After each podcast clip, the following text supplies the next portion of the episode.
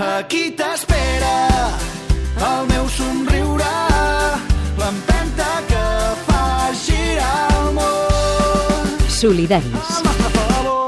Idees que transformen. Ara parlarem d'una qüestió de la que n'hem parlat ja altres vegades, Amb Adrià Bas. perquè s'han publicat estudis arreu del món que demostren que l'esperança de vida i l'estat de salut dels habitants d'una mateixa ciutat varia notablement segons el barri en el que viuen i segons el nivell econòmic d'aquests barris.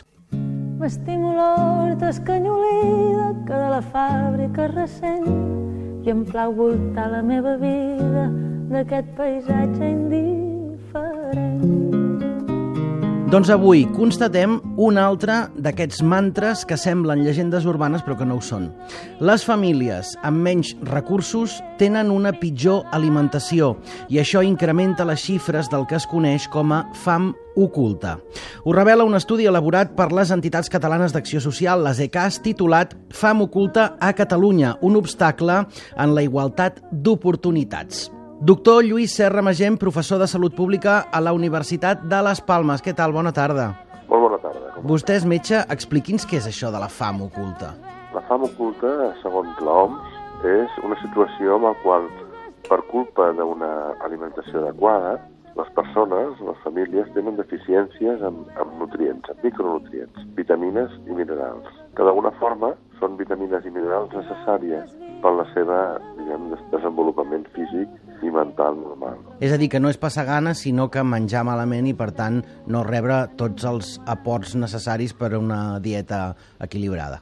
Efectivament, a vegades la fam oculta s'associa a l'obesitat, no a la primor. És a dir, que l'estar molt gros no significa estar ben nutrit.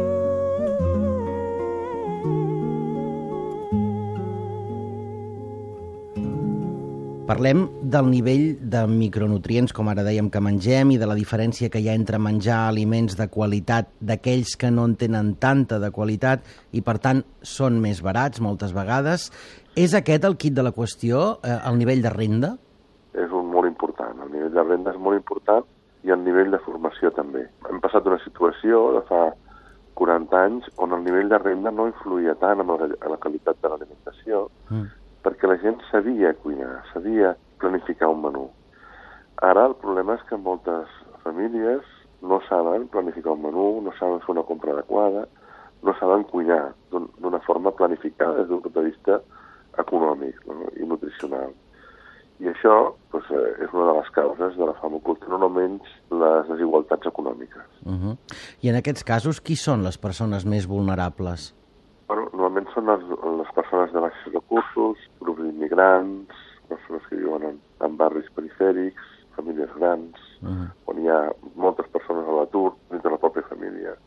Uh -huh. Per tant, fixem-nos que estem parlant d'aspectes que van més enllà de la pròpia medicina, eh, de l'estat de salut. Estem parlant d'aspectes socioeconòmics. Altres exemples, doctor Serra?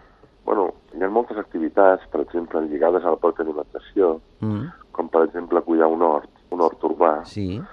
Si això les persones ho saben fer i són capaços de, de dur a terme, pot suposar una font important d'aliments per a la seva alimentació. Per tant, aquest tipus d'estratègia d'horts urbans, de formació en els mercats, de, de plats tradicionals, tot això pot tenir un impacte molt, molt positiu en la forma d'alimentar les persones, Uh -huh. sense que tinguin que invertir molts més diners en la seva alimentació.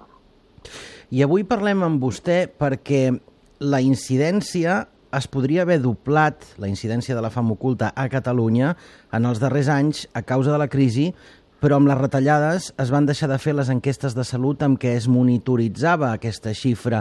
Ara mateix, quines són les xifres més fiables? És difícil. Nosaltres, les últimes enquestes que tenim són de l'any 2000. De l'any 2000? 2002, 2003, i en aquells moments la fam oculta estava aproximadament en un 8% de la població. Uh -huh. Possiblement ara estiguem en, en, un 15, com vostè deia, no? Les haguem doblat.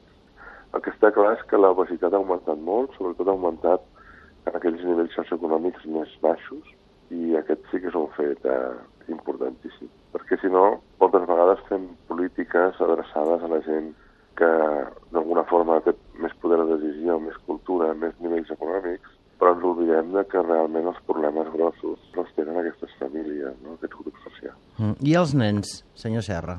Els nens també, lògicament, és molt important perquè el nen necessita una alimentació adequada amb micronutrients per la seva formació, pel seu rendiment escolar. Per tant, són poblacions molt vulnerables i aquí sí que l'escola té que tenir capacitat de detecció dels casos importants eh, amb els esmorzars que es porten els nens, amb els menjadors escolars, que realment siguem capaços d'arribar a tota la població que ho necessita, no, que no ens deixem ningú fora i que d'alguna forma bueno, l'escola, en col·laboració amb els centres de salut, pugui fer una, una feina de detecció i seguiment d'aquests casos.